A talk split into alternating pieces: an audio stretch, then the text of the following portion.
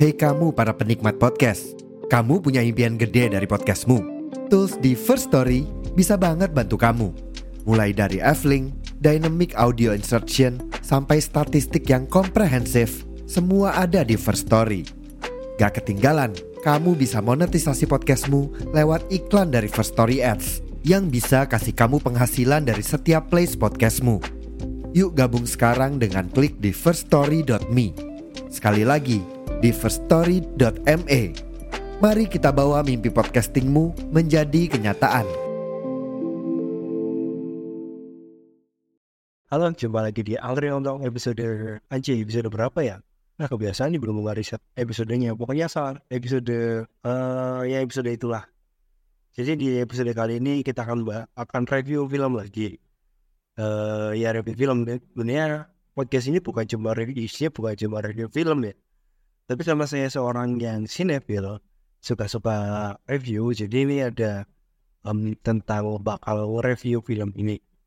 Uh, ini adalah tentang film jatuh cinta seperti di film-film JDFFF. Ini base-nya dari tulisan saya yang di Kompasiana yang baru saja menjadi artikel utama. Oke, okay, uh, saya tulisan saya di Kompasiana itu judulnya Cinta Dewasa yang Beda dari Film review CCSDFF. Nah, cara dia pembukanya saya menyoroti tentang judul ya. Memang judulnya itu panjang. Jatuh cinta seperti di film-film ya. Itu juga makanya saya langsung singkat uh, ininya apa judulnya jadi CCSDF. Uh, nah itu salah satu sebenarnya salah satu bagian dari marketingnya. Tapi awalnya malah apel judulnya jadi jatuh cinta seperti film-film dan web series karena pembuatnya ini saudaranya adalah seorang di Lawrence yang memang sudah dikenal untuk uh, pembuatan web series web series viral macam sore mengakhiri cinta dalam tiga episode dan lainnya. Ini saya nggak terlalu interest interest banget ya tentang film ini, uh, tapi ternyata saat mengetahui itu yang di Lawrence yang bikin wah langsung, oh ya menarik nih. Dan premisnya juga kisah cinta yang dewasa mau yang di usia usia segitu. Bilangnya tuh uh, dibilangnya usia-usia segitu. Habis saya kira akan uh, semacam open ending ya. Open jadi terserah mem apa penonton untuk merepresentasikannya jatuh cintanya di usia berapa. Karena tokoh utamanya yaitu Ringo dan Berina ya di, mau dianalogikan mereka umur 30-an juga kayaknya masih sosok-sosok aja tapi mereka akhirnya uh, ada satu adegan yang menunjukkan bahwa mereka tuh umurnya mendekati 40 atau 40-an kan. Sudah masuk angka 40 tahun emang logis sih ya emang umur mereka nya juga segitu kan. Uh, untuk Ringo dan Rina. Ini memang menyoroti tentang kisah cinta orang dewasa. Dan saya sebisa mungkin mengurangi yang namanya um, menampilkan sinopsis ya. Kita coba dari premis-premisnya aja. Karena suatu apa setelah sering mereview film jadi saya terjebak dari yang namanya sinopsis. Jadi apa yang saya sampaikan tuh cuma ibaratnya kayak cuma jadi apa uh, menyampaikan kembali isi dari film. Jadi cuma re review yang benar-benar cuma re sinopsis uh, menceritakan kembali film-film ya jadi terjebak bagiannya tuh. 80 persennya tuh bisa sampai 80 persennya tuh apa cuma isinya menceritakan sebuah film ya dari awal sampai akhir kata itu series atau reviewnya apa. Jadi saya ter apa terbelenggu di itunya. Karena apa karena pesimis ya pesimis takutnya tuh orang yang nonton tuh uh, menjadi tidak tahu tentang yang namanya film tersebut. Padahal sebenarnya yang dia dari review film adalah itu langsung dipandang dari orang yang menulis atau membuat review itu tentang film tersebut. Jadi untuk sinopsis itu malah penting mau sinopsisnya seperti apa kan ya sinopsis malah bakal tersirat ya. Dia bakal terbawa ini makanya di film-film kayak YouTube ya Cinegrip tuh saya baru ngak juga. Mereka tuh jangan bukan tak sinopsis. Sinopsis paling kayak cuma premis gini-gini terus mereka banyak komentar ya. Oh ini gini-gini gini gini ada. Nah, emang filmnya bakal lebih dapat kayak misal uh, mereka yang nonton mereka udah nonton. Makanya review ini lebih bagus. Kalau untuk teman-teman yang sudah nonton tapi kalau mau belum nonton mau dengerin ini jangan apa ya lumayan nambah listenernya saya aja sih Jadi eh, ini bagian yang bagian pertama awal pembukanya tentang dari tulisan saya ya kisah cinta dua orang dewasa. Sesuai dengan judulnya, film ini memang menceritakan kisah cinta. Iya kan jadi ini jatuh cinta seperti di film-film ya. Romansa dari dua orang yang sudah melewati masa dewasa secara fisik dan sampai pada masa dewasa secara pemikiran. Menuju usia 40 tahun, tentu cinta yang dirasakan tidak membara seperti mereka yang berusia 20 atau 30 tahunan. Cinta menjadi sekitar nyala, namun nyala yang tidak mudah padam. Nyala yang meski ada angin kencang ataupun badai, akan terus hidup dan jadi semangat dalam menjalani kehidupan sehari-hari. Seperti itulah saya mengalami kegiatan yang namanya uh, jatuh cinta di usia 40 tahun. Yaitu yang terjadi sama tokoh utama yang dipegang oleh Ringo sebagai Bagus dan Nirina sebagai Nah ya, uh, Ringo-nya memang sudah punya perasaan daripada Nirina. So, mereka tuh teman SMA dulu. Dan Nirina itu baru kehilangan. Baru kehilangan suaminya. Ini apa sih saat jatuh cinta di umuran segitu ini? Umur gue 40 tahun tuh apa yang terjadi pada apakah jatuh cintanya tuh masih berapi-api membara-membara uh, masih ngejar-ngejarnya sampai sedemikian rupa. Masih tiap hari langsung bayinya tiap hari jalan ya. Atau yang bahasa kasarnya dia baru cipokan dia baru yang kairannya tuh hasratnya tuh gede banget. Itu 40 tahun tuh kan lebih saudara apinya masih ada. Ibaratnya kan apinya masih ada. Cuma apinya tuh gak membara membara kayak apa membakar kayu bakar atau membakar seperti gimana ya? Gak membara cukup nyala tapi nyalanya tuh kuat. Karena itu jadi semangat hidup. Ya sesuatu yang mungkin ya saya masih umur saya masih belajar baru udah masuk 30 dan saya mungkin bisa memahami orang yang umur segitu mungkin ya memandang cinta itu sebagai ya itu alasan mereka untuk hidup. Tetap untuk apa menjalani hidup meski ada banyak sekali hambatan dan rintangan dan mereka ada alasan untuk tetap tersenyum alasan untuk pulang ke rumah tetap bisa bahagia seperti itu lah tapi ini bukan tentang cinta aja tentang kepedihan juga ada. Kemudian kalau orang yang sudah dicintai itu pergi berdaulat. Ini kan salah satu bagian dari kehidupan orang dewasa. Kita nggak bisa selamanya uh, bersama. Ada mungkin kehendaknya takdir, ada yang pergi mendahului kita. Itu yang terjadi dengan Dirina dan pasangannya. Karena dia ada, ada semacam ucapan yang ngomong kalau emang nggak boleh ya baca cinta lagi. Karena dia merasa Wah, kisah cintanya itu udah meninggal bersama dengan suaminya yang udah meninggal juga. Jadi dia merasa kayaknya udah deh aku uh, selesai sampai di sini. Dan dia cukup menjalani hidup aja. Uh, semuanya sudah uh, terkubur bersama dengan kematian suaminya tersebut. Tapi eh, kepedihannya Nah ini kepedihannya orang dewasa juga ternyata beda sama kepedihannya orang yang apa kepedihan realistis yang terjadi pada masa dewasa tuh gak seperti yang kita bayangkan juga. Jadi kepedihannya tuh apa uh, bukan tiap hari menangis, setiap hari berurai air mata, menangis habis-habisan. Tapi tentang tetap menjalani hidup, meski kita tuh udah kita nggak pengen nggak pengen menjalani hidup karena bagian hidup kita yang terbaik itu udah pergi mendahului pergi meninggalkan kita. Tapi dunia masih harus tetap berjalan. Dan itu bagaimana rasanya tuh seperti bagaimana ceritanya tuh itu yang dinamakan kepedihan tetap berusaha untuk menjalani hidup. Meski dunia meski dia inginnya tuh dia sedang masih bertugas masih tak rela untuk beranjak pergi beranjak melanjutkan kehidupan. Nah, itu bagian yang pedihan yang paling dalam itu seperti itu. Dan film berdurasi satu jam 58 ini juga membuat para penonton jadi lebih paham mengenai bagaimana sebuah film bisa terjadi. Karena bagus ya di peran Ringo ini diceritakan adalah seorang penulis film penulis skrip film. Jadi dia uh, membuat sebuah skrip film untuk mengekspresikan kisah cintanya pada Mirna. Pada Hana pada Hana itu dan menjelaskan ada ada 8 babak dalam browser film ini. Ya babaknya apa sih? Pokoknya pembukaan apa pengenalan tokoh dan segala macamnya itu ya sampai di situ. Jadi uh, menonton film ini juga benar wawasan kita tentang apa sih sebuah film bagian-bagian itu ada apa aja itu cepat itu menjadi rangkaian hal yang membuat kita tuh menjadi menarik yang bisa membuat penonton terhibur. Nah ini terus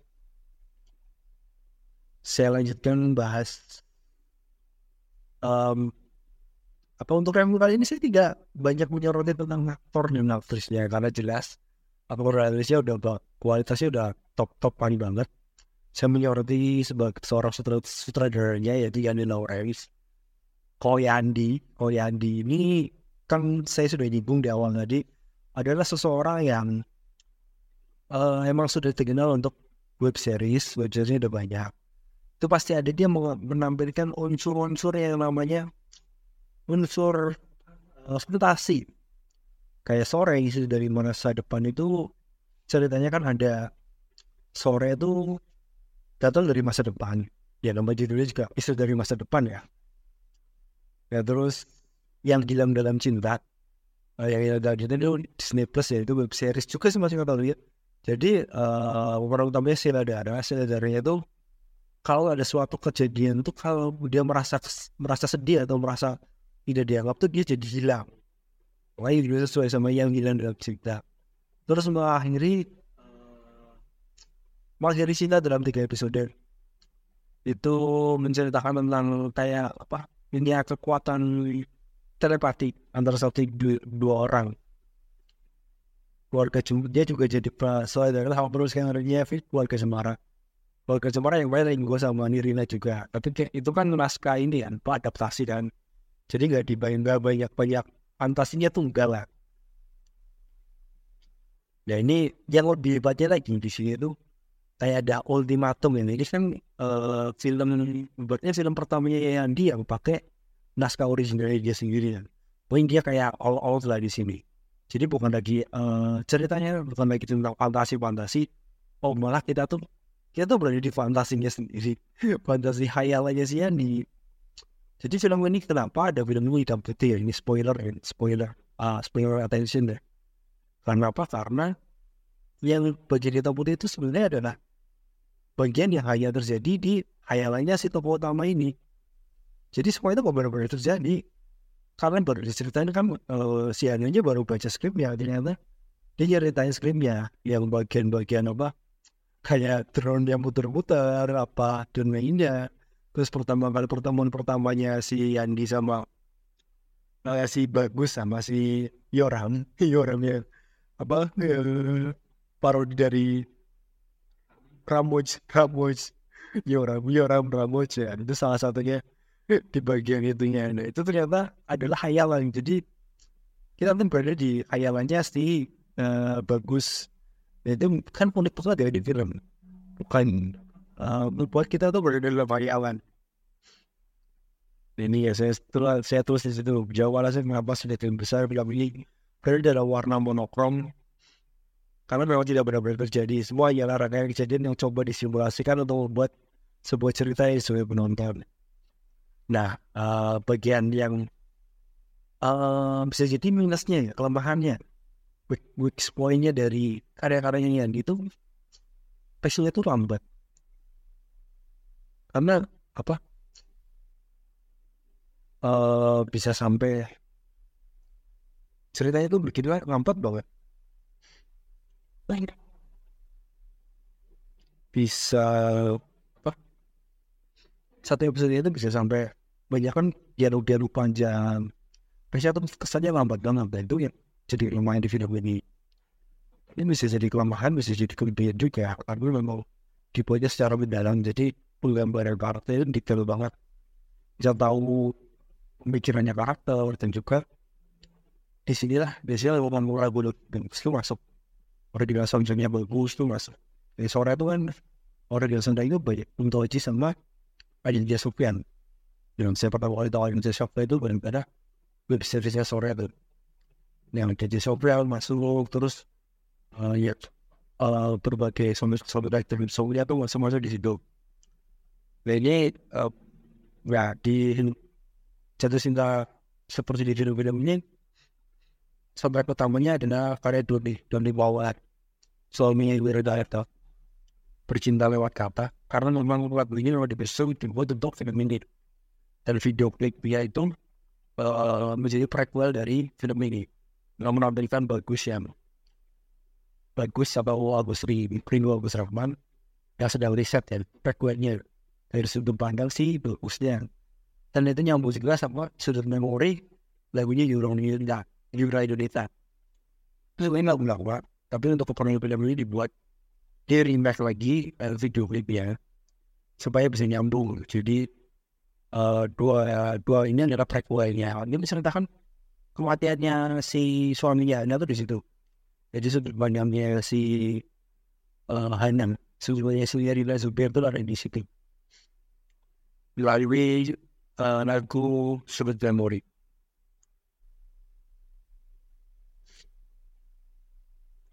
Ya, lupa wow. Ya, genre film ini tuh romcom ya, romantic komedi. Jadi nggak semuanya tuh nilai biru ini tentang romantis romantis no aja. Tapi sebenarnya ada unsur-unsur komedi ya. Jelas lah namanya. Ini boring banget tapi kalau cuma nangis-nangisan itu kan fantasinya juga kan maksudnya komedi ya.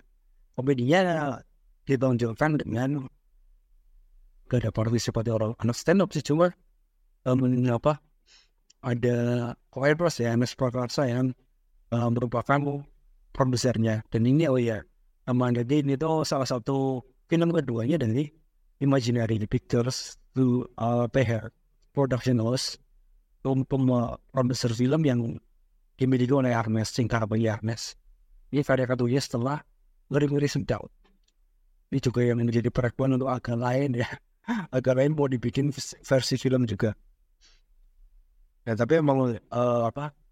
Ya ini biasanya bisa menyisipkan komedi-komedi bayangan-bayangan di bagian-bagian awal tuh komedinya lumayan yang apa nyindir-nyindir yang uh, review apa orang-orang yang suka sharing dari via telegram nunggu film-film terus.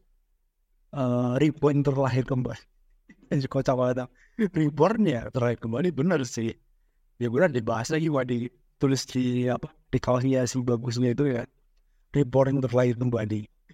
Terus karakter dia New York yang biasanya selalu cool, selalu pintar, selalu orang lebih ke orang yang menderita. Di sini Dion Wiyoko yang sebenarnya adalah yang tell me yang berkali-kali nanya ke si apa si istri ya Selin Selin Dion yang Dion ini memang ini beneran ini beneran dan ceritanya si bagus itu beneran. Ternyata kan memang beneran ya. Saya on banget ya. Tiba-tiba tanda kecemuran kayak pola-pola stand up komedi kelihatan sih. On ya. Itu pendekatan wall stand up comedian ini jadi karakter kocak di di video ya konyol-konyolnya Agus gue juga udah perhatian dia emang dari awal tuh memang aktor yang misalnya selangnya ada aja yang komedi-komedi yang biasanya kan datang dari si Agus Ringi. Ya dia tuh bisa menyampaikannya itu dengan sangat baik ya.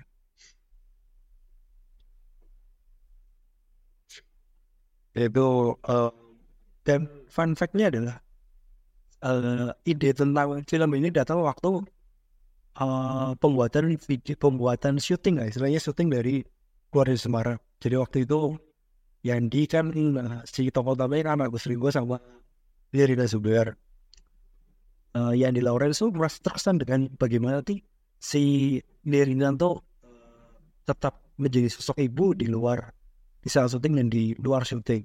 Jadi dia tuh mengarahkan dengan uh, kayak keibuan anak-anak yang menjadi uh, pemeran-pemeran di luar Samara itu kayak gini kayak gini yang merasa kayaknya dia gimana ya bikin film tentang yang beredar dari seorang Irina atau sosok perempuan seperti ini. Dan dia makanya dikembangkan lagi dikembangkan lagi. Terus dia kepikiran juga tentang uh, tentang mungkin ya bagaimana ke dirinya juga ya ke dirinya orangnya apa. So penulis film tuh kalau misal jatuh cinta tuh dia kayak gimana manajemennya lewat karyanya atau seperti apa. Nah itu untuk uh, proses kreatifnya dari situ dimulai dari 2019 sampai ke 2000 ya itu sampai ini 2021 di udah syuting nih dan memang film ini itu sangat bagus tapi secara ramen bioskopnya mungkin agak kurang ya karena beberapa mungkin dia ngomong oh ini langgar di filmnya kayaknya membosankan itu yang jadi bagian buruknya ya. jadi ya memang untuk jumlah penonton sepertinya kurang agak pesimis saya bisa sampai satu juta uh, satu juta penonton dalam waktu sebulan ini nggak tahu nih bisa bisa dikejar nggak ya. Saya kemarin udah ini saya nonton tuh udah seminggu itu masih banyak dua ratus ribuan ya. Kok aja sampai yang namanya petualangan seri itu udah sam udah hari pertamanya aja udah dua ratus ribu. Hari pertama itu emang mungkin materi promosinya kurang loh dan um, Ringo udah sering muncul di beberapa podcast film ya. Beberapa podcast podcast emang promoin filmnya dia tapi kok masih kurang aja. Mungkin memang budgetnya ya budgetingnya masih kurang atau mungkin marketnya emang agak susah ya. Bisa susah dikenal bisa dikenal orang karena emang filmnya itu terlalu segmented ya. Untuk bocil-bocil ya. Kalau untuk teman-teman yang usianya tuh 20 tahunan mungkin agak susah ya. Dan kok kisah cinta kok gitu-gitu doang Bila emang realitanya seperti itu kisah cinta yang udah umur 25 tahun ke atas ya banyak kan ya ada ngobrol-ngobrol aja bukan yang uh, tiap hari cipokan mikir kok ya kayak gitu juga nih gitu, tiap hari cipokan Coba tiap hari itu masa ada konflik terus uh, surprise dong surprise apa harus uh, mendedikasikan waktunya itu kan ya sudah bukan masanya lagi ya itu masih ada energinya masih ada lah tapi kayaknya sudah bukan masanya lagi jadi sekian aja untuk review film jatuh cinta seperti di film-film untuk hari amal episode kali ini Terima kasih sudah mendengarkan. Sampai jumpa di episode selanjutnya. Salam Yesus.